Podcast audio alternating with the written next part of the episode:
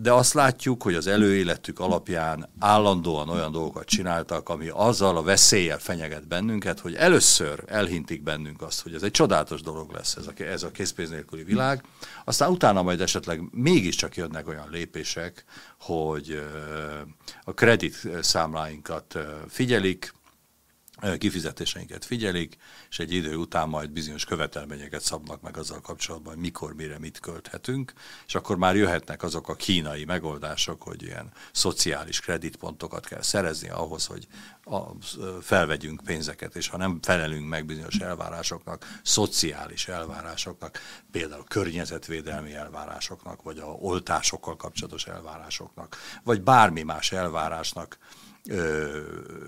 autóhasználattal kapcsolatos elvárásoknak, akkor majd ők szépen le fogják állítani a bankkártyáinkat, és nem fogunk tudni pénzt felvenni. Üdvözlöm Önöket, Morvai Péter szerkesztő vagyok, ez pedig a Hetek Originals, és mai vendégünk Fritz Tamás politológus, az Alapjogokért Központ kutatási tanácsadója. Köszönöm, hogy itt van velünk a Hetek stúdióban. Jó napot kívánok, én is köszöntök mindenkit szeretettel. Ma a háborúnak a ukrajnai háborúnak az egyéves évfordulóján beszélgetünk, az adás maga vasárnap fog eh, kikerülni a YouTube-ra, de a háború egyéves évfordulója sok kérdést vet föl, és azt láttuk, hogy a Nyugati Szövetség egyfajta válaszút elé került, vagy elfogadja azt, hogy területeket enged át Oroszországnak egy kompromisszum keretében, a békéért cserébe, vagy pedig fokozza Ukrajnának a katonai támogatását mindaddig, amíg ki nem szorítja az orosz haderőt az elfoglalt területekről. Viszont azt is látjuk, hogy ehhez Ukrajnának a hadserege, emberi állománya nem elegendő a súlyos veszteségek miatt, ezért szükség lett újabb országok részvételére a háborúban, és több forrás szerint erről szó is volt Bukarestben a bukaresti kilenceknek a csúcs találkozóján, ahol egyfajta hajlandó koalíciójának nevezett szövetségnek a fölállításáról volt szó. Ez a hajlandó koalíció, ez a 2003-as iraki invázió során jelölte azokat az országokat, akik Amerikának a vezetésével egyfajta ilyen adhok szövetségként fölvonultak, hogy részt vettek ott. De ez kérdés az, hogy mi, hogyan látja ön, kinek a felelőssége az, hogy egy év után ide sodródtunk, hogy most már közvetlen háborús részvételnek a lehetősége is fölmerült? Egyébként csak hozzátenném, hogy most nagyon friss ír az is, hogy az Európai Tanács is kiadott egy nyilatkozatot, amelyben a Ukrajna melletti kiállással foglalkozott, és az, hogy minden segítséget meg kell adni ahhoz, hogy Ukrajna megnyerje ezt a háborút. Tehát tulajdonképpen az Európai Tanács 27 tagállama egyöntetően megszavazta ezt a határozatot. Tehát lehet, hogy összefüggés van a, a, az ön által említett összejövetel és az Európai Tanácsnak a, a döntése között. Tehát ez nagyon friss hír ilyen szempontból és ez hozzátartozik a legfrissebb fejleményekhez. Hát igen, hogy jutottunk idáig? Ez itt a kérdés, és ki a felelős tulajdonképpen ezért a helyzetért. Először is, ami legfontosabb, amit én, én úgy gondolok, hogy egyfajta módszertani kiinduló pont is, hogy feketén-fehéren nem lehet nézni a világot. Tehát ezt mindenféleképpen meg kell mindannyiunknak tanulni, hogy olyan, hogy szintiszta, hogy ez a felelős, és csak ez a felelős, az pedig teljesen ártatlan, ilyen, meg a gonosz és a jónak a szembeállítása, szóval ilyen, ilyen fajta megközelítések nem, nem jutatnak el bennünket az igazsághoz. Már csak azért is, hogyha megnézzük, hogy hogy jutottunk el a háborúig. Erről talán két mondatot érdemes mondani, és aztán utána tovább tudunk jutni, hogy az elmúlt egy évben végül is mi történt. De a gyökereket meg kell nézni. Tehát én azt gondolom, hogy az első, több, legalább négy szereplője van a folyamatnak, de kezdeném az Egyesült Államokkal. Tehát azt gondolom, hogy az Egyesült Államok a, ugyebár a hidegháború megszűnése után lényegében véve lehetőséget látott arra, hogy egy egypólusú világrendet irányítson. Tehát ő legyen az egyetlen. Miután a Szovjetunió kidőlt a sorból, ő legyen az egypólusú világrend irányítója, és ennek érdekében tette meg a különböző lépéseit az elmúlt 30-32 évben, már a legelejétől kezdve ez látszott. Ugye Fukuyama megírta azt a bizonyos híres könyvét, amely a történelem végéről és a liberális demokráciák győzelméről szólt, és hát az, az, az nagyjából egészében azért az arról szólt, hogy akkor ezt az amerikai Egyesült Államok mintájára a liberális demokráciák elterjednek az egész világban. És, ez, és hát az Egyesült Államoktól nem áll távol, hogy ezt nem csak elterjed, hanem elterjesztik, tehát tudatos eszközökkel. És ha jobban belegondolunk, akkor az Oroszország az Egyesült Államok számára mindig is egy örök ellenfél volt, ilyen értelemben most már azért hosszú évtizedek óta, a második világháború befejezése óta, és azt fontosnak tartották, hogy Oroszországot lenyomják ebben a folyamatban, és az első perctől kezdve erre törekedtek. Egyik oldalról politikailag, másik oldalról katonailag, harmadik oldalról gazdaságilag. Ugye jól tudjuk, ma már dokumentumok igazolják, hogy Gorbacsovnak tettek egy ígéretet arra, James Baker, akkori külügyminiszter, amerikai külügyminiszter is, hogy, hogy a NATO nem fog kelet felé terjeszkedni. Cserébe Gorbacsov hozzájárul a német egységhez, tehát hogy Németország egyesüljön. És ezt a nyugat-európai vezetők is megígérték Gorbacsovnak. És hát azt látjuk, hogy az elmúlt évtizedekben ezt az Egyesült Államok nem tartotta be.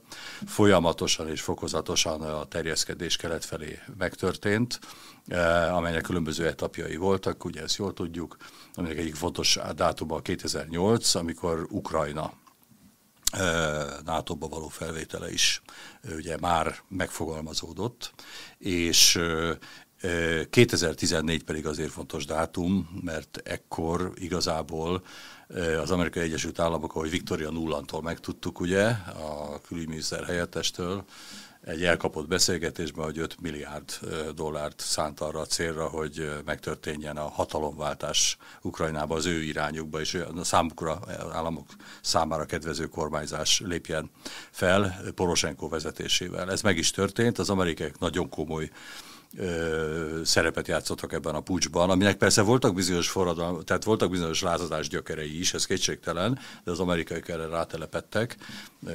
Ugye emlékszünk, hogy John McCain beszédet mondott a Majdanon a, a, a tüntetőköz, és így tovább és hát tudunk ugye felbérelt bandákról is, ne, ne menjünk bele a részletekbe. A lényeg az, hogy 2014-ben lényegében véve az Egyesült Államok bekebelezte Ukrajnát. Hagy mondjam ezt ilyen határozottsággal, hiszen voltak olyan pillanat, volt egy olyan pillanat, amikor a ukrajnai kormánynak a közös nyelve az angol volt tehát az volt a közös nyelv, amit mindenki értett. Tehát egy politikai hatalomátvétel, és mellette egy gazdasági hatalomátvétel, ami már persze korábban is a kezdetektől fogva megjelentek a gigacégek, az amerikai multicégek, és nem csak amerikai multicégek Ukrajnában, és hát Ukrajna ugye mind energia szempontból, mind mezőgazdasági szempontból, de esetleg más szempontokból is hát egy olyan terep, amit Amerika fontosnak tartott birtokolni. És ez meg is történt. 14 után ez lényegében Amerika ilyen szempontból uralja az ukrajnai politikát és, és részben a gazdaságot is. És akkor így jutunk el lényegében véve odáig, hogy hogy 2021, 22, 2021 őszén Putyin különböző üzeneteket küld a NATO és az Egyesült Államok felé, hogy hol a határa ennek a terjeszkedésnek. Tehát, hogy ebbe, tehát van egy határ, amit nem tud elfogadni, mert a saját geopolitikai, katonapolitikai, biztonsági érdekeinek már nem felel meg, és főleg az nem, hogy Ukrajna NATO tag legyen. És ennek erre választ nem kapott Putyin, és aztán a utolsó mozzanatként még megemlítem, hogy ugye a Müncheni Biztonsági Politikai Konferencián, mármint a 22-es biztonságpolitikai konferencián ugye azt mondta Zelenszky, hogy atomfegyverekre is szüksége lesz. És én azt gondolom, hogy ez volt az a pillanat az oroszok számára, amikor már azt mondták, hogy eddig és ne tovább.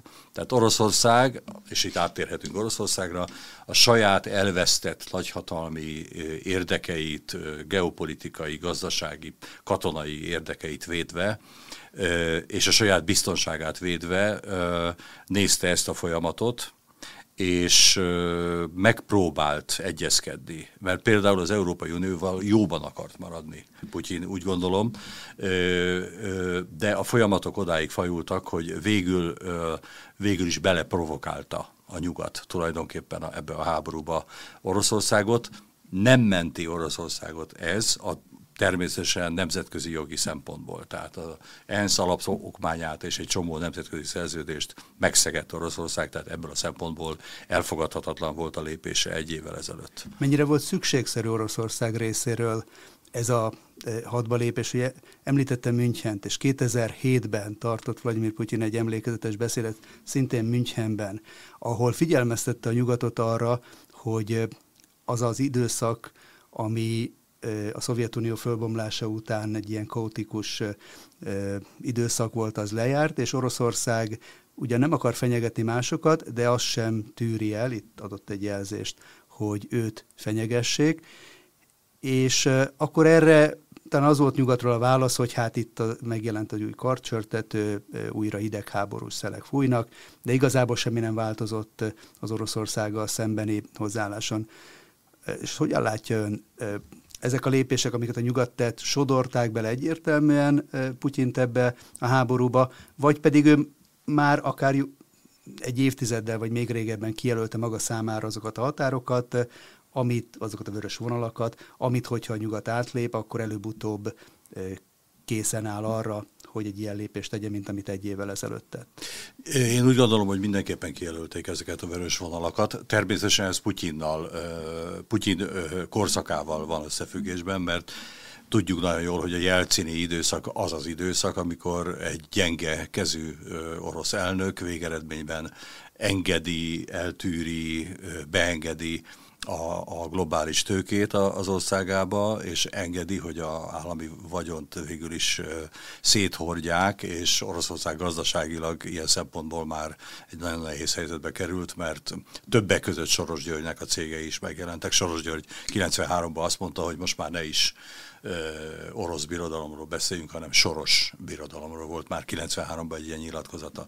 Tehát Putyin az első pillanattól kezdve azt gondolom, hogy azt a célt tűzte ki, hogy ami logikailag, meg, meg, meg más szempontból is pszichésen is érthető, hogy egy nagyhatalom nem, fogad, nem tudja elfogadni azt, lélektanilag sem, hogy, hogy elveszti teljes egészében a nagyhatalmi státuszát, vagy legalább elemeiben nem tudja megőrizni, és ezért húzott tulajdonképpen kezdettől fogva vörös vonalakat, főként a NATO terjeszkedésével kapcsolatban.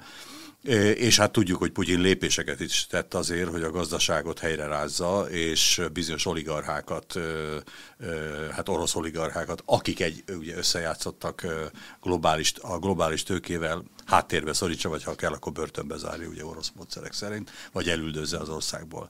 Na most tehát én azt gondolom, hogy ez, ezek a vörös vonalak folyamatosan látszottak. Erre, erre Putyin mindig jel, jelzéseket tett, folyamatosan bizonyos beszél, 2007, de később is, két, tényleg 2021 őszén is még ö, leadott jelzéseket a nyugat felé, hogy, ö, hogy eddig és ne tovább, nem kéne ezt folytatni.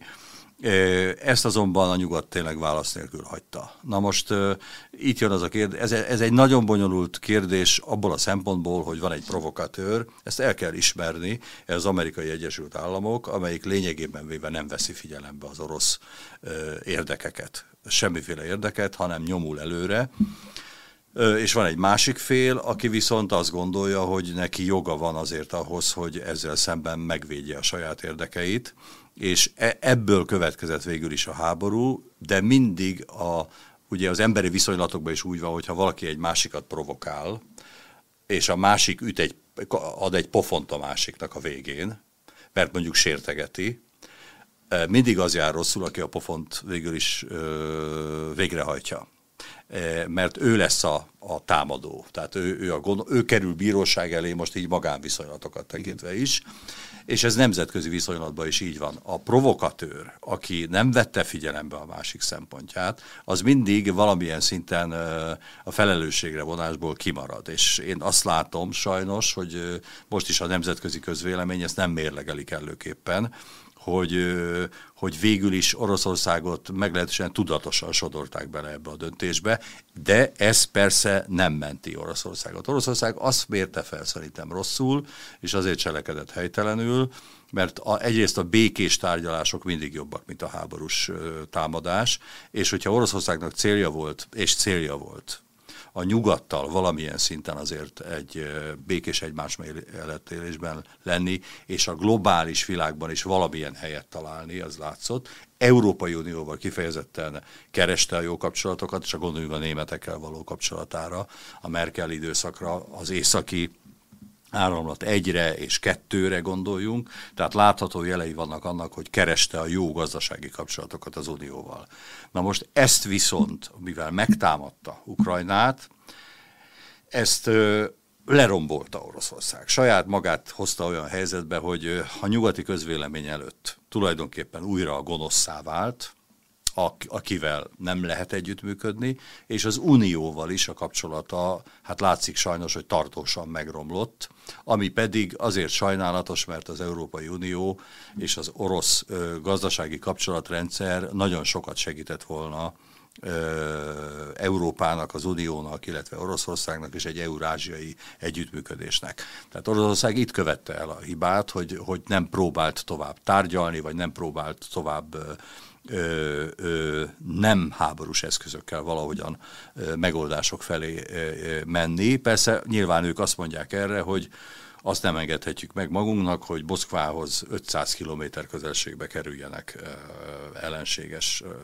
hát atomtöltetű rakéták adott esetben, mert az már csak pár perc kérdése. Tehát mindenki megmagyarázhatja, amit gondol, de a végeredmény az, hogy a háború elkezdődött, egy éve tart és, itt, és egy év után levonhatjuk azt a következtetést, hogy valóban sajnálatos, hogy ez, ez kitört, mert most már egy ördögi logikába kerültünk bele egyébként. Ugye kétféle eh, alternatívát említettünk itt a beszélgetés elején. Az egyik az, hogy valami fajta területet a békéért kompromisszumos megoldással mégiscsak sikerül lezárni ezt az egyéves tragikus időszakot. Erre is vannak jelek, ugye Kína eh, tett eh, le egy 12 pontos béketervet, és Tudjuk visszamenőleg, hogy még a háború alatt is voltak egyébként béke eh, tárgyalások. Naftali Bennett volt izraeli miniszterelnök, mondta el utólag egy interjúban már, miután eh, kikerült a eh, hatalomból, hogy amikor ő tavaly talán márciusban Moszkvában járt, akkor zajlottak közvetlen orosz-ukrán tárgyalások, de ezeket Bennett szerint a nyugat blokkolta, és azóta sem ültek le egymással az érintett felek.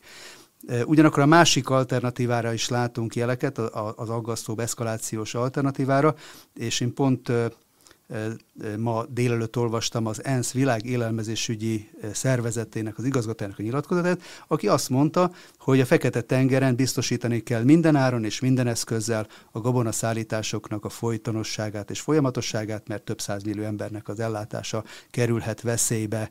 És erről egy videót is közzétette. Na most hogyan látja, fölmerülhet annak a lehetősége, hogy egyfajta humanitárius megfontolásokból, vagy ilyen, ilyen körítéssel egyszerűen az a fajta bekapcsolódás, közvetlen bekapcsolódás, amire ezek a hajlandók koalíciója is utal, hogyha nem is a NATO egy az egyben kerül konfrontáció Oroszországgal, de mégis közvetlen katonai részvétellel, akár egy békefenntartó akció keretében, hát európai országok is belesodródnak? A helyzet szerintem nagyon nehéz, és nagyon feszült, és utalnék én is a Naftali Bennettnek a megjegyzésére, hogy emlékezünk vissza, hogy gyakorlatilag ugye orosz agresszió után, orosz betörés után, hát az ukrán vezetés Zelenszkijel egyértelműen azt látták, hogy, hogy tárgyalniuk kell. Tehát, hogy a helyzet nem könnyű, és le is ültek a tárgyaló asztalhoz török közvetítéssel, meg izraeli közvetítéssel. És az a helyzet, hogy az információk tényleg arról szólnak, hogy a megállapodás közel kerülhetett volna, de főleg londoni beavatkozásra Boris johnson emlegetik, aki már oda szaladt Zelenszkijhez, és azt mondta, hogy nem, nem kell itt békét kötni, nem kell békét kötni, mert ezt a háborút meg lehet nyerni és majd az, Amerik, tehát az, az angol száz birodalom mindenképpen segítséget fog nyújtani. Tehát ugye jól tudjuk, hogy az angolok és hát Boris Johnson általában mindig valahol az amerikaiak partnerei, és mondhatjuk azt is, hogy általában az amerikaiak határozzák meg az angol döntéseket is. Hát emlékezzünk például Tony Blairnek a szervilis magatartására az amerikai Irakkal kapcsolatos fellépés esetén, Tony Blairnél.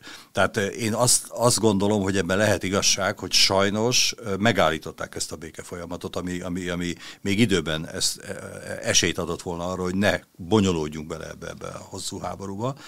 És itt van a probléma. Tehát, hogy a nyugati oldal, tehát a Egyesült Államok, a NATO, és még egyet mindig tegyünk hozzá, a globális elit, a globális pénzügyi elit, tehát a Davoszi elit, azt gondolom, hogy egyértelműen abban utazott, és abban gondolkodott, hogy ezt a háborút meg lehet nyerni.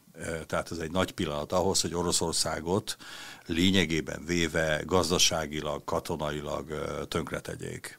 És ez a szándék, ez, ez, ez, ez megmutatkozott itt, és nem volt esély ezek után már arra, hogy, hogy gyors békekötés, vagy a tűzszünet és békekötés következzen be. És innentől kezdve elindult egy ilyen öngerjesztő folyamat, tehát, hogy van egy olyan koncepció, gondoljunk arra, hogy Joe Biden is arról beszélt, még a háború elején, hogy Istenem, ezt az embert, mármint Trumpot, ezt, ezt, ezt ki kell verni a hatalom. Most nem tudom szó szerint idézni, de azt mondta, hogy hát ennek mennie kell. Mármint Putyinnak, Igen. bocsánat, Putyinnak a hatalomból távoznia kell. É, tehát látszik az, hogy, hogy, hogy az a szándék vezérli a nyugati szövetséget, amiben belehúzták az Európai Uniót is, hogy ezt a csatát meg lehet nyerni, Oroszországot le lehet győzni. Na most itt, itt van a veszély, mert ez, ez, ez egy lehetetlen vállalkozás természetesen. Tehát aki úgy gondolja, hogy a háború a megoldás arra, hogy végül egy jó béke szülessen, az szerintem téved ebben a helyzetben.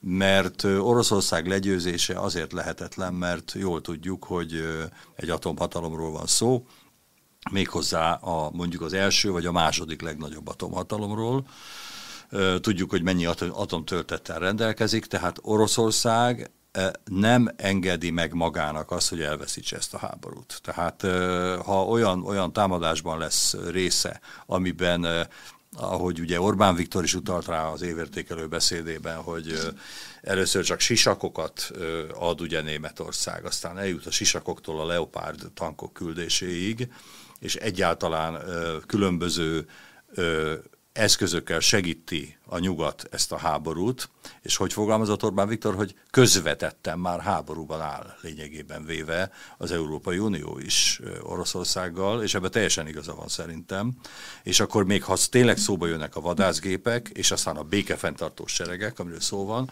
akkor ez egy öngerjesztő folyamatként megy előre egy nagyon rossz irányba, de ennek a vége, ha ez, ez nem áll meg valahol, akkor szerintem eléggé vészes forgatókönyvek elé nézünk, mert Oroszország ezt nem fogja hagyni, és egy atomhatalmat mégsem lehet csak úgy legyőzni. A másik oldalnak se kell azt gondolnia, tehát Oroszországnak is végig kell gondolnia természetesen, hogy ő se tud győzni. Tehát a, a, a nyugat, legy, a NATO legyőzése ez irreális. Tehát ebben én szerintem nem is gondolkodik eh, Putyin, hanem abban gondolkodik, hogy eh, azt a biztonsági zónát, azt meg tudja teremteni, ami lehet, hogy egy kicsit a Dombasztól még bejebb van azért. Uh-huh. Tehát azt el tudom képzelni, hogy nem csak a Dombasz és a másik két megye megszerzése plusz a krím megőrzése, hanem egy picit bejebb is gondolkodik, hogy legyen egy, egy sáv, ami megvédi ugye a, a esetleges NATO agressziótól, de, ők, de, de Putyin se gondolhatja azt, hogy, hogy ez a háború megnyerhető. Tehát lényegében véve most az a nagyon érdekes helyzet van, hogy van egy két, két elmélet. Van, az egyik elméletet a NATO, az Egyesült Államok és az Európai Unió vezetése gyakorolja sajnos, az Unió mint, vé, mint követő, magatartást folytató, sajnos önálló akarat nélküli egység hogy ez, ezt a békét a háború végre, végig kell vinni. A háborút mindenáron, és győzni kell, és az lesz az igazi béke. Mi magyarok viszont, és ebben tényleg egyedül vagyunk, azt mondjuk, hogy nem ez a megoldás, hanem, hanem, hanem tűzszünet, békesze, béketárgyalások kellő időben, és a két fél érdekeinek a figyelembevétele. És ez egyetlen kiút valóban, hogy egész egyszerűen Oroszország elpusztítása, az nem egy működő alternatíva. Függetlenül attól, hogy kinek, ki, kine, ki kinek drukkol ebben a háborúban. Tehát ez nem drukkolás kérdése. Meg nem az, hogy ezzel vagyok, meg azzal vagyok, hanem a reál politika diktálja azt, hogy hogy pusztulásba vezetheti ezt a világot. Az a fajta logika, ami arról szól, hogy minden áron végig kell vinni Oroszországgal szembe ezt a háborút, és le kell győzni őket. Ebben a logikában én sose hagyom ki a globális elitet, a Davoszi elitet, mert hiszen a világgazdasági fórumnak a különböző gyűlésein, és most a legutóbbin is, hát végeredményben ők is ezt a harcias hangot erőltetik. Ugye a világgazdasági fórumban a, a multicégek szándékai jelennek meg, amelyek már ott vannak Ukrajnában, és mindenáron védik a saját gazdasági érdekeiket, tehát Soros Györgyel az élen, aki ezer szálon ben van Ukrajnában, és e, több sokféle érdekeltsége van. Már 30 éve ezt elkezdte ezt a folyamatot. Tehát, tehát plusz még ott van a Davoszi elit is, amelyik szintén ezt erőlteti, csak egy, egy, egy példát mondok, hogy a legutóbbi gyűlésükön ugye Sanna Marina Frind miniszterelnök asszony azt mondta, aki persze egy VEF tanítvány, egyébként mert ugye a, az egyik politikus képzőben részt vett a Young Global Leaders tanfolyama, a Schwabnak a tanfolyamában, azt mondta, hogy 15 évig kell, ha kell, 15 évig harcolunk, ha kell tovább. Tehát ha ilyen mondásokat hall az ember, akkor, akkor úgy elszomorodik, mert akkor ez, ez, ez nem jó irányba mutat. Tehát én ezt egy nagyon veszélyes dolognak tartom, a szakadék felé menetelést érzem benne. De hogyha Ukrajna már a háborút megelőzően ilyen külföldi befolyás alá került, ahogy ön is említette, nem az lenne a logikus ennek a, ezeknek a külföldi szereplőknek a részéről, hogy a háborút minél előbb lezárni, hiszen az ő érdekeltségeik is pusztulnak ebben a háborúban. Igen, ez teljesen logikus lenne egyébként, így van, csak, csak vérszemet kaptak bizonyos ö, körök. Például a, a Davoshoz kötődő 1600 multinacionális cég akik ugye részben kivonultak Oroszországból például, nagy részük kivonult. Tehát, hogy már Oroszországot is egy olyan terepnek tartják Ukrajnán túl, amely megszerezhető gazdaságilag és piaci szempontból. Tehát, hogyha itt a nagy alkalom úgymond, hogy, hogy Oroszország szétverhető, akkor visszatérhetnek a számukra csodálatos jelcini idők, amikor Oroszország tehetetlenül nézte, ahogyan elárasztja a nemzetközi tőke az orosz gazdaság különböző területeit. Tehát fölmerülhet most az a szándék is, hogy, hogy Oroszországot újra le lehet gyengíteni gazdaságilag, és, és ilyen értelemben birtokba lehet venni. Tehát logikus lenne megvédeni az ukrán érdekeket, és nem tovább menni, csak sajnos van egy háborús pszichózis, tehát meg van egy öngerjesztő logika, ami, ami arra vezeti ezeket a szereplőket, egyrészt a davoszi szereplőket, másrészt természetesen az Egyesült Államok demokrata köreit, mert itt mindig tegyünk különbséget a demokraták és azért a republikánusok között, tehát ne vegyük egybe soha az Egyesült Államokat, ez nagyon fontos kérdés. De ezek a körök és a kiszolgáltatott Európai Uniós brüsszeli elit el tudja képzelni sajnos, hogy itt a nagy alkalom, hogy Oroszországot bizonyos idézőjelben el lehet pusztítani, fel lehet osztani, és így tovább. Azt gondolom ez a probléma, hogy egy, hogy egy már nem racionális, nem feltétlenül racionális gondolkodás szabja meg a, a, a, a cselekvést, hanem egy ilyen sajnos ez olyan, mint amikor az első világháború előtt valami döbbenetes módon egy, egy légkör, a német, az, németek azt mondják, hogy a Zeitgeist, tehát a korszellem, kialakult egy háborús szellem, korszellem az első világháború előtt, amikor az emberek táblával sétáltak az utcán Magyarországon is, hogy éljen a háború, meg mindenhol máshol, mert ebben látták a megoldást. Tehát, hogy el lehet jutni egy ilyen, egy ilyen, egy ilyen kor hangulatig, amikor, amikor egymással licitálnak már azok a, az, az, annak az oldalnak a tagjai, akik a háborúban győzelemben látják a megoldást. Ez, ez a probléma. Lehet, hogy ezzel a ön által említett korszellemmel áll összefüggésben egyre többet beszélnek arról Európában, hogy a kötelező katonai szolgálatot vissza kellene vezetni. Boris Pistorius, az új német védelmi miniszter konkrétan azt mondta, hogy hiba volt ennek a felfüggesztése, és más, más politikusok is ezt fölvetették. Elképzelhetőnek tartja azt ön, hogy 80, közel 80 éves békeidőszak után Európa újra militarizálódik? Jelen pillanatban nem lehet kizárni. Nem lehet kizárni, mert ugye itt van egy alkalmazkodási kényszer is sok országban.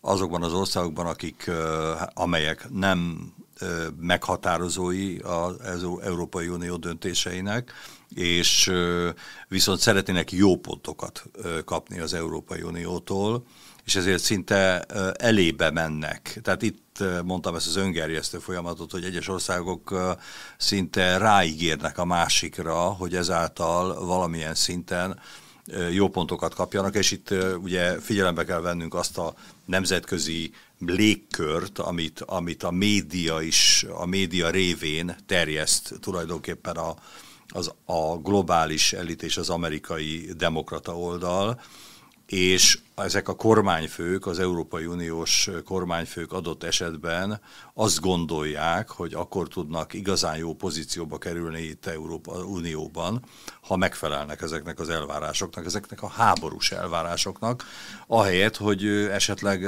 szuverén politikára lépnének, de, de nem teszik. Úgy érzik, hogy ezzel, ezzel bizonyos előnyöket tudnak szerezni, Sajnos azt, azt meg jól tudjuk, hogy a v is bizonyos értelemben áldozatul esik ennek a helyzetnek.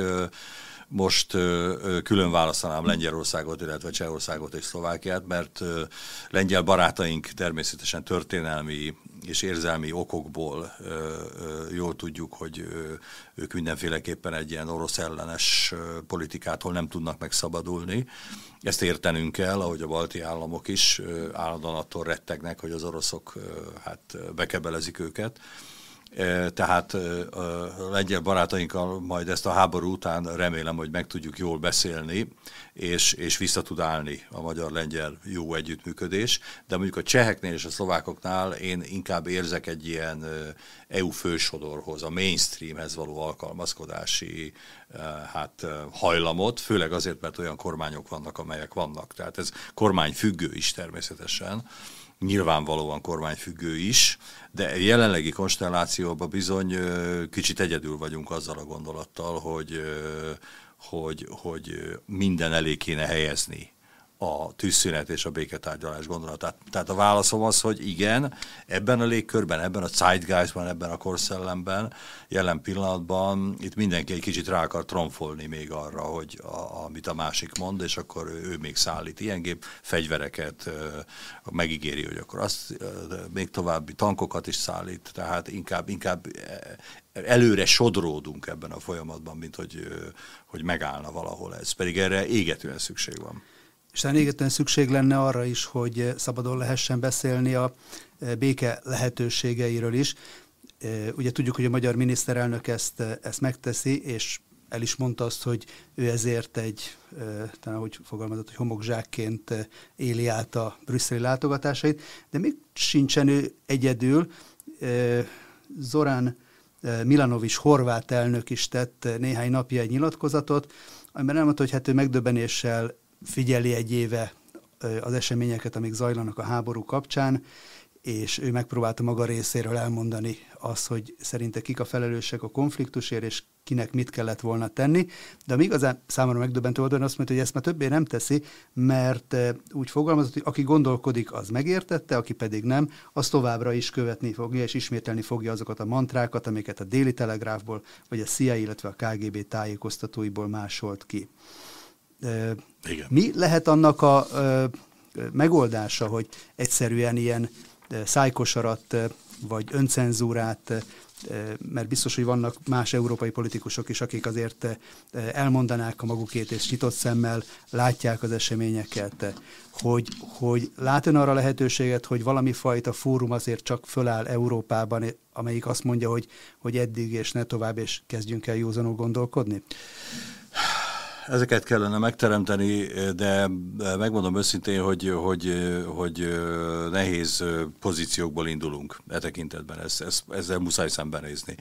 Mert ugye tényleg hát Milanovics elnök is nem véletlenül mondja, amit mond mert lényegében véve mindenki tudja valamilyen szinten, és hál' Istennek erről Magyarországon lehet beszélni, hogy ez egy proxy háború, illetve én ezt fél proxy háborúnak nevezem, hiszen az egyik oldal az véresen benne van a háborúban Oroszország, ugye, fegyverekkel, emberekkel, áldozatokkal és így tovább. A másik oldal az, amelyik proxy módon van benne az Egyesült Államok, és mögötte a Davoszi elit, amelyik nyomja lögdösi a demokratákat abba az irányba, hogy hogy folytassák a háborút. Ezt, ezt mindig, mindig vegyük be a képbe, a háttérben. Tehát ez egy félproxi háború, ezt lehet tudni. És Orbán Viktor nagyon jól mondja, hogy, hogy azt is egy józanul gondolkodó ember tudja, hogy, hogy az amerikaiaknak és az oroszoknak kell megegyezni ebben a, a békében. Én hozzátenném, hogy egyébként Klaus Schwabék és a Davoszi elitnek egyfajta rábólintása is kell ehhez szerény megítélésem szerint. De a lényeg mégiscsak az, hogy ezekről a dolgokról nem lehet eléggé őszintén beszélni, mert egy olyan szintű, és erre utal a horvát elnök is, egy olyan szintű közvélemény, nyomás van az európai politikusokon, hogy ezzel nem mernek egyszerűen szembe menni. Tehát aki jelen pillanatban uh, tényleg uh, békekötésről beszél, vagy, vagy, vagy nem szídja ezerrel az oroszokat, és nem mondja azt, hogy az oroszok a sátánok, és hogy megpróbál mérlegelni, és nem fekete-fehéren beszélni, azt rögtön a nemzetközi média, a nemzetközi közvélemény azonnal megbélyegzi, hogy hát ez, ezek hát természetesen Putyin pártiak, árulók, nem tudom én, fasiszták, és jönnek a szokásos jelzők. Tehát egy kirekesztő magatartás azonnal megjelenik, és hogyha arra gondolunk, hogy, hogy, hogy, hogy a média viszonyokban milyen állapotok vannak, akkor, akkor elkeserítő módon azt kell, hogy lássuk, hogy hatalmas pénzekkel és hatalmas média koncernek segítségével irányítják a, a fontos meghatározó médiumokat, hírügynökségek munkáját, legfontosabb médiumokat, szerkesztőségeket abba az irányba, hogy, hogy terelni kell a háború felé és Oroszország ellen a, a népességet. És ugye a politikusok mindig arra szoktak hivatkozni, hogy hát a sajtó, nem merünk szembe menni a sajtóval, mert ha ezt mondjuk, akkor a sajtó azonnal rágugrik, a politikótól kezdve a Spiegelen át, a Frankfurt Allgemeine Zeitungon keresztül a Le Monde-ig, az El Paisig, a, a, a The Guardianig, és, és sorolhatnánk napestig a lapokat, és én értem őket, csak ugye a lényeg az, hogy nem a médiumok döntik azért el ezt a dolgot, hanem a médiumokat meghatározó nemzetközi médiakoncernek és azok tulajdonosai. És ezek a tulajdonosok igazán a fontosak. Én most olvastam egy olyan hát alternatív forrásokból egy olyan ö, ö, felmérést, vagy egy olyan elemzést, hogy ö, a meghatározó nemzetközi médiumok 90%-át 13 médiakoncern tartja a kezébe az egész világon. Ez megdöbbentő adat, és ez a 13 médiakoncern természetesen egy irányba megy, tehát ebbe a globalista, balliberális, háborúpárti irányba mozog el, és óriási nyomást gyakorol a közvéleményre. És, és ebbe például mindig beleakadunk Soros Györgybe, de, de nem, nem kerülhető meg, mert valóban Soros György például az elmúlt négy évben, tehát 16 és 2020 között, ha jól emlékszem, 131 millió dollárt fektetett be abba, hogy 253 hírügynökség, illetve média szerkesztőséget pénzeljen. Tehát azt gondolom, hogy ez elég döbbenetes szám. Gondoljunk arra, hogy, hogy Soros György egyébként meghatározó lapoknak a résztulajdonosa, részvényese, stb. Ott van a Project Syndicate nevű hát orgánuma, amelyik 120 országban ott van jelen, és, és büszkélkedik azzal, hogy állam és kormányfők olvassák az ő Project Syndicate-jét, ami természetesen a nyílt társadalom elméletét hangoztatja LMBTQ elképzelésekkel, mindennel együtt, de azzal is, hogy Oroszországot egyértelműen le kell győzni.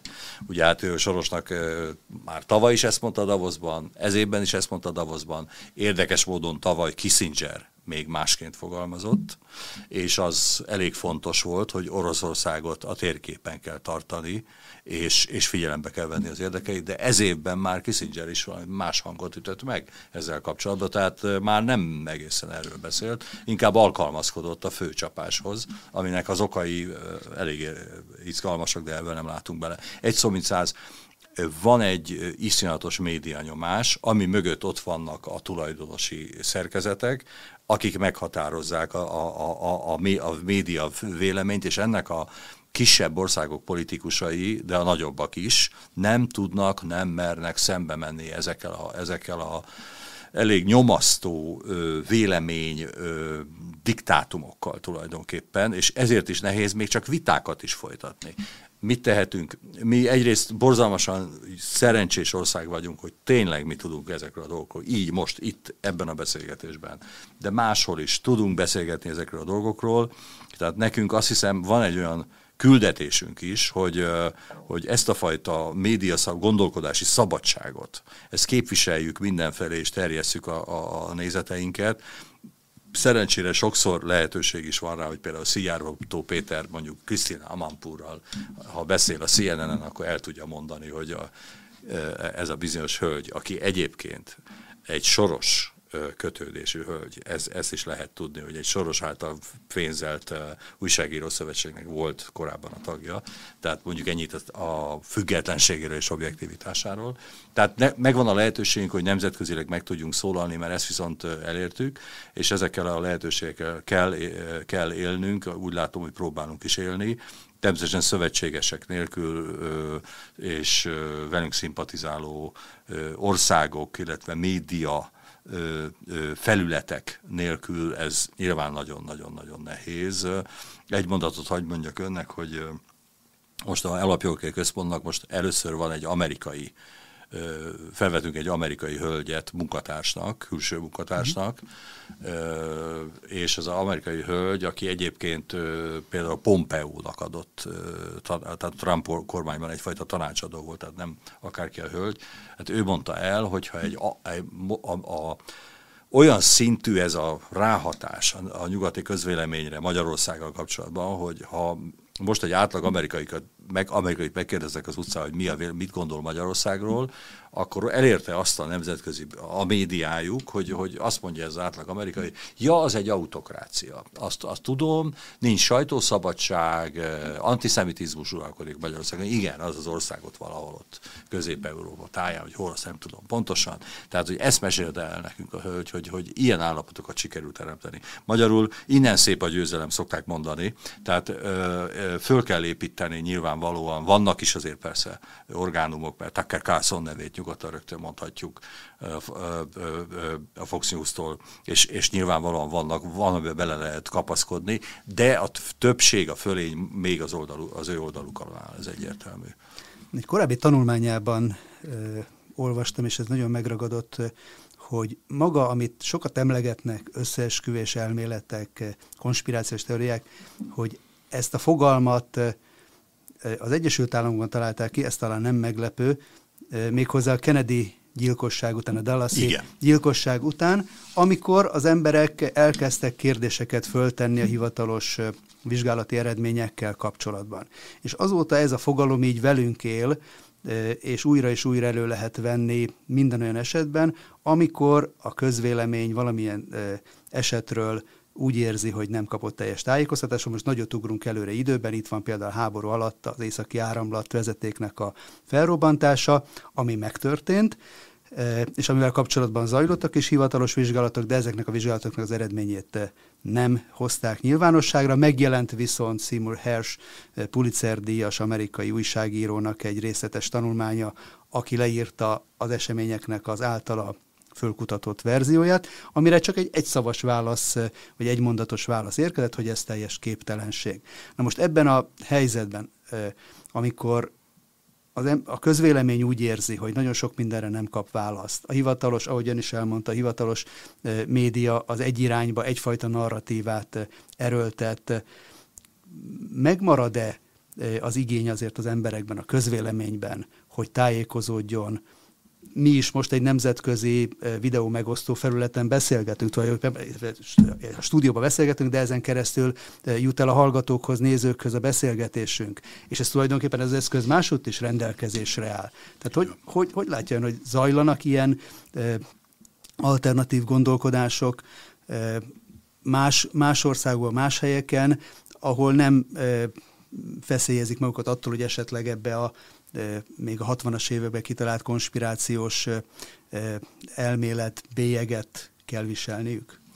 Természetesen, hál' Istennek létezik egy, úgy mondhatnánk, hogy egy alternatív újságírás, egy alternatív média, a, a, amelyikre ö, oda lehet figyelni, és utána lehet járni ennek, e, ezeknek a felületeknek.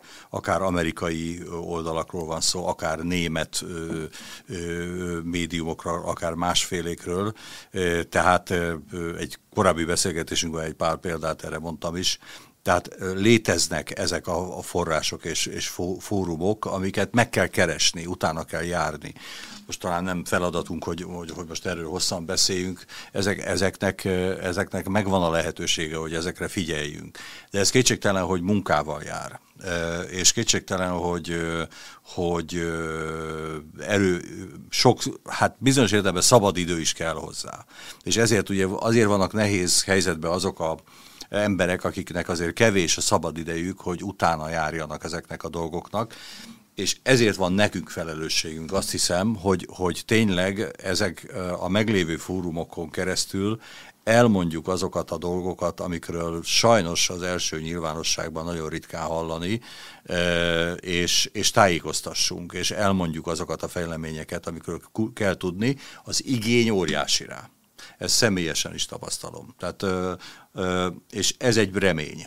Tehát látszik, hogy van egy hiányérzet az emberekben, valahogy érzik azt, hogy kapnak ö, információkat, akár a háborúról, akár ö, egészen más kérdésekről, LMBTQ kérdésekről, migrációról sorolhatnánk, ö, tár, társadalmi egyenlőtlenségekről, és így tovább érzik azt, hogy, hogy, hogy e, emögött még sok minden más van, érzik a hiányát, az infor, a hiányosnak érzik az információkat, és ezeket be kell tölteni mindenféleképpen, mert valóban, ez pontosan jó a példa, amit ön mondott, hogy a északi áramlat kettő vezetékkel kapcsolatban ugye Seymour Hirsch, aki egy 85 éves újságíró, oknyomozó újságíró, rengeteg díjat kapott, Pulitzer díjas, mindig tele, telibe trafálta az igazságot.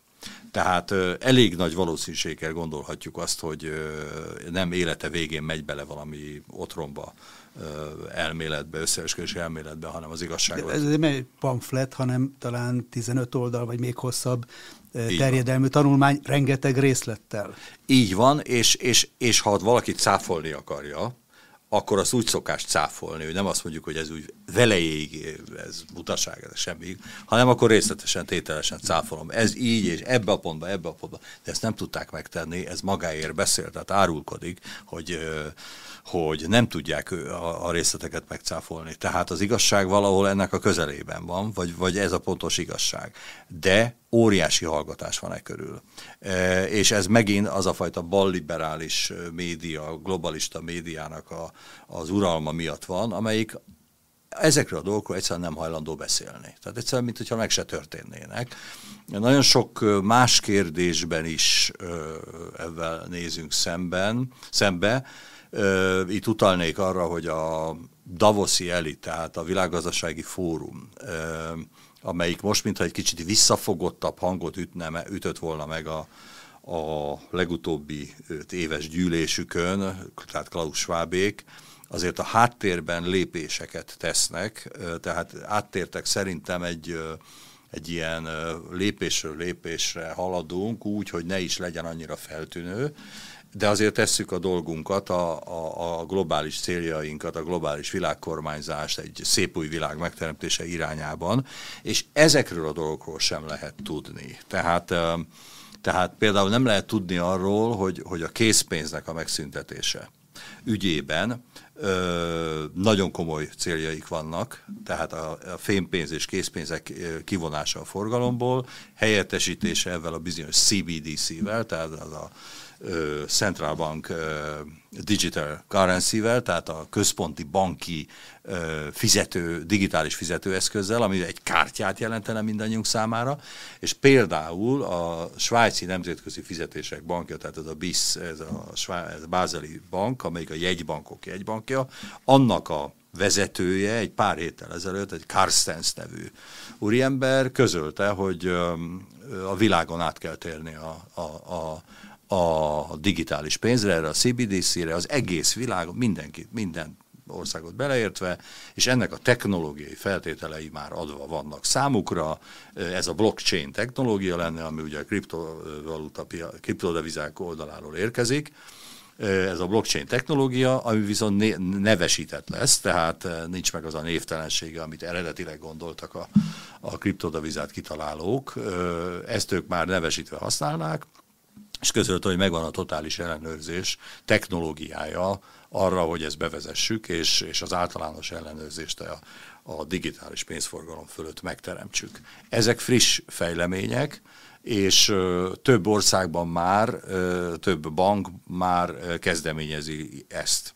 De erről például szintén nem tudunk. Tehát itt is itt van meg ez az, az információ hiány. Most csak egy példát mondtam a sok közül, amit le, tudnék sorolni még egyébként, amikről nem tudunk, és sajnos a magyar első nyilvánosság sem számol be e, ezekről a dolgokról, tehát, tehát ebben is van egy hiányosság, ez, ezekről beszélni kell, vagy beszélni kell arról, hogy van egy elképzelése a Davoszi előttnek a 15 perces városokról például. Tehát ami ugye arról szólna, hogy a városokat zónákra bontanák, és a zónákat elszeparálnák egymástól, és 15 perc azt jelenti, hogy gyalog meg lehet tenni a legfontosabb dolgok. Tehát a közértek, a, a, e, színház, bevásárlóközpontok, uszoda, akármicsoda, iskola, oktatási intézmények ilyen 15 perces zónákban lennének úgy átrendezve, hogy végül nem kell tulajdonképpen autóba szállni, nem kell tehát a környezetet rombolni, és például Oxfordban ennek a kísérlete már elkezdődött. Nem hiszem, hogy olyan túl sokat tudna erről a magyar közvélemény. Tehát, tehát ezekről, ezekről nem tudunk, és ezért szükséges, hogy valamilyen szinten, hát másodlagos forrásokból mégiscsak informálódjunk ezekről a dolgokról. Amit itt említett, az ilyen egyfajta falanszter világ felé vezethet bennünket. És hát az is érdekes, hogy ha ilyen zónákba szerveznék a lakosságot, amit egyébként talán pont Szaudarábiában van egy ilyen projekt, egy Neon nevű ilyen gigavárosnál olvastam hasonlót, hogy, hogy megpróbálják ott egy ilyen teljesen zöldmezős beruházásként egy olyan létesítményt, város sávot vagy szallagot létrehozni, amiben ezek az elvek megvalósulnának, és hát fölmerülhet itt akkor a kérdés, és érdemes lenne e, erről is egyszer beszélni, hogy e, ha egy autómentes világban, egy ilyen zónákba szervezett e, formában él az emberiség, egy ellenőrzött információs térben, ahol csak ezek a meghatározó médiumok a, a hangja jut el, és az emberek szeparálva vannak, akkor az egy, az egy milyen hatással lenne például a szabadságra, a demokráciára? Hát pontosan ez a probléma így van, hogy akár ez a, ez a zónává változtatása a városoknak, akár, akár, akár tulajdonképpen a készpénznek a megszüntetése, ez, ez óriási veszélyeket jelent az, az emberi jogok és az emberi szabadságjogok szempontjából. Ezt kell felismernünk, mert ugye itt azt a nagy kérdést lehet föltenni, hogy hát a készpénz megszüntetésének vannak jó oldalai, mondják. Tehát eh, elkezdik mondani az érveket, hogy hát nem csörög a pénz a zsebünkben, nem kell teletömködni, eh, hát a kártya az mennyire egyszerű, fiataloknak ez különösen vonzó. A telefon tehát, még egyszerűbb, ha azzal fizetünk. Pontosan, tehát elég egy mobiltelefon, egy okostelefon, és már mindent el tudunk intézni, pláne ha még egy csípet is beül, hagyjuk, hogy beültessenek a bőrünk alá, akkor már még azt se kell talán. Tehát mondják az, ezeket a dolgokat, hogy mennyire előnyös. És akkor az ember egyetlen kérdést kell, hogy feltegyen ilyenkor. Jó. Ö, ha még meg vagyok győződve arról, hogy ez a globális elit, tehát ez a bizonyos Carstens úr, a Bristol, vagy Klaus Schwab, vagy Soros György, vagy Bill Gates, és a többiek. Tehát ez a, ez a csúcselit ez csupa jó szándékkal van tele velük szemben. És semmiféle ö, hátsó szándéka nincs. Ha ezt elhisszük, ha el tudjuk hinni róluk, hogy ők a jóságos földre szállt angyalok, akik tényleg csak meg akarják könnyíteni az életüket, és semmi más nem akarnak, akkor akár még azt is mondhatnánk, hogy hát, hát akkor hajrá, gyerünk. Csak az a probléma, hogy az eddigi jelek azt mutatják, hogy semmi okuk nincs ezekben az emberekben megbíznunk. Semmi okunk nincs arra.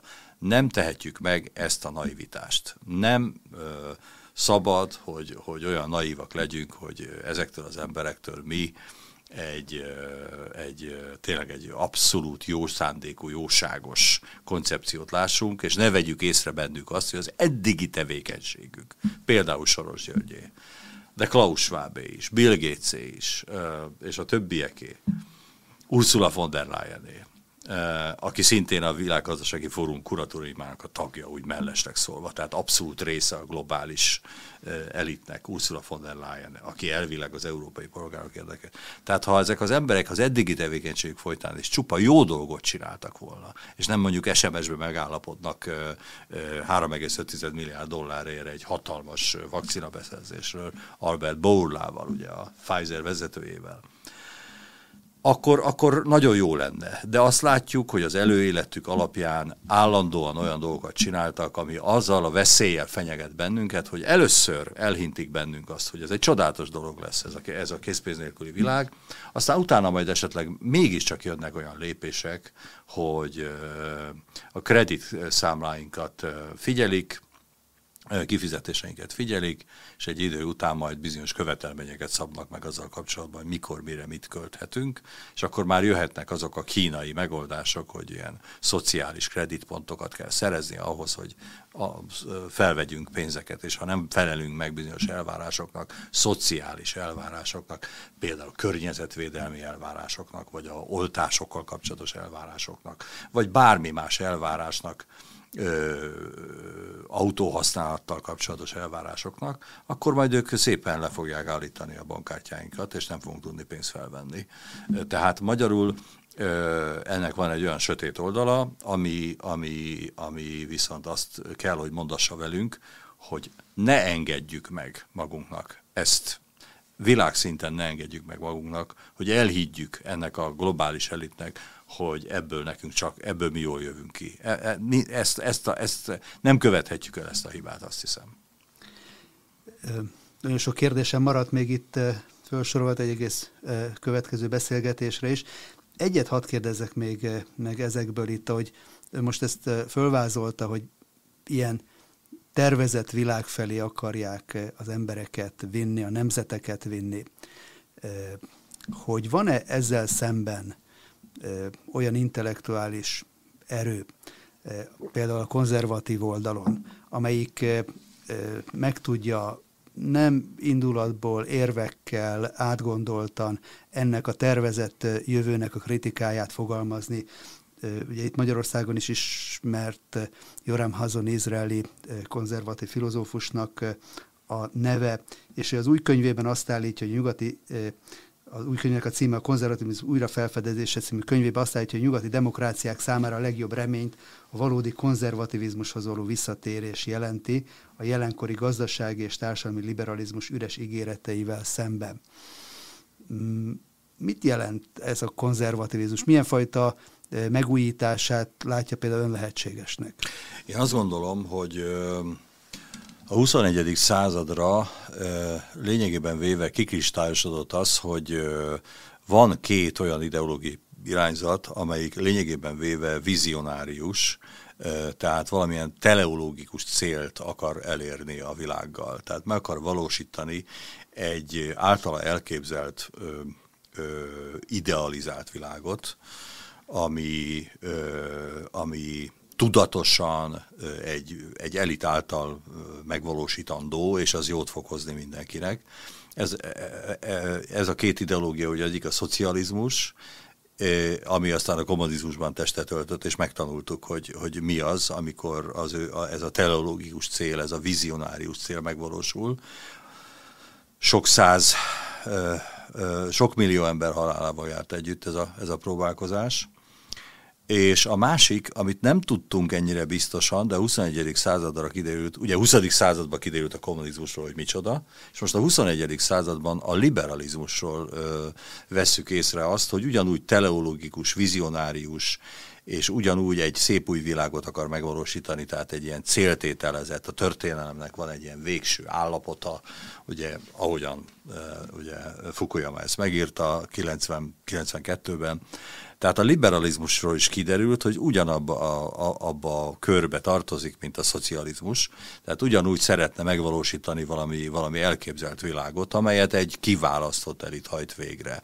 És ezt most nyugodtan behelyettesíthetjük, ezt a kiválasztott elitet a Davoszi, Davoszi elittel, amelyik most a zászlós hajója ennek a dolognak. E, és a, van viszont a konzervativizmus, ami megítélésem szerint most már igazából az a, az a konzervativizmusban a legfontosabb, ami fenntartó erő, és ami, ami a 21. században a legfontosabb a, arculata, vonása, az a realizmus.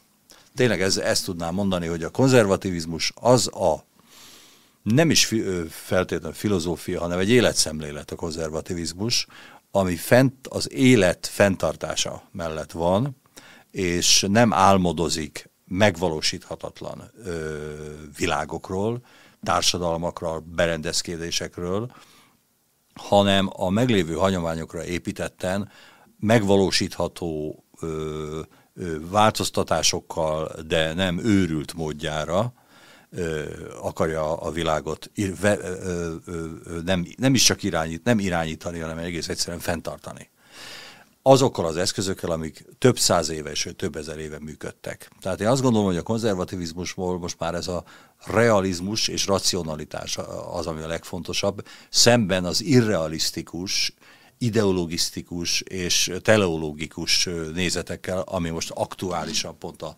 liberalizmusban csúcsosodik ki, ennek a liberalizmusnak a globalista változatában. Tehát én azt gondolom, hogy most azért kell belekapaszkodnunk a konzervativizmusba, mert egész egyszerűen a józanész talaján áll. Egyébként Hegel mondta azt valamikor még ugye a 19. században, hogy ami észszerű, az valóságos, és ami a valóságos, az észszerű. Tehát e, ez egy jellegzetesen konzervatív mondat, ami arról szól, hogy a megvalósult világ, ami működik, intézményei, ö, társadalmi kapcsolódási formái, normái, kezdve a családtól, egészen ugye a vallásig, és a nemzetig, meg az államig, tehát, hogy ezek a működő intézmények, és sok más civil intézmény és kulturális intézmények, amelyek bizonyították, hogy létezőek, és működnek, azok akkor ezek szerint valahol észszerűek is. Ezeket nem szabad és nem kell felbontani, mert ezek működnek. Nem kell kitalálni. Itt az a baj, hogy a Davoszi elit veszi a, fá, a bátorságot magának, hogy kitalálja hogy 8 milliárd embernek hogyan kellene élnie. Ő, ők úgy gondolják, hogy ezt ők jobban tudják, és, és lehet, hogy ők jót is akarnak. Még azt sem mondom, hogy ezek gonosz emberek. Azt sem mondom, hogy el akarnak pusztítani egy világot, hanem, hanem az a baj velük, hogy azt gondolják, hogy ezt, e, ezt ők erre kiválasztottak. Holott senki nem választotta ki őket erre a feladatra, de ezt vindikálják maguknak ezt a jogot. Hogy miért?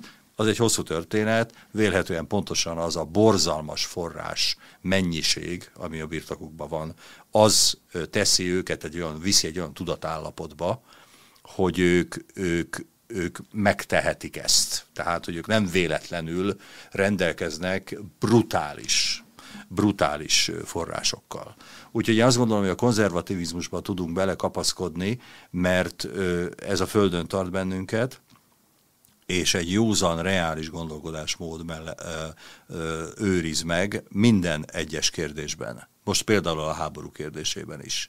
Tehát nem szaladunk túl, ö, hanem, hanem, hanem elemezzük a kérdést, és tudjuk, hogy a dolgok általában nem, hogy ezt a beszélgetést elkezdtük, ide térek vissza, hogy a konzervativizmus tudja, hogy a, hogy a dolgok nem feketék és fehérek, hanem sokszínűek, és ezek között kell megtalálni egy ö, ö, egy hagyományokra épülő utat, ami, ami élhetővé teszi, és élhetővé, élhetőnek hagyja ezt a világot, megtartja az élhető állapotában.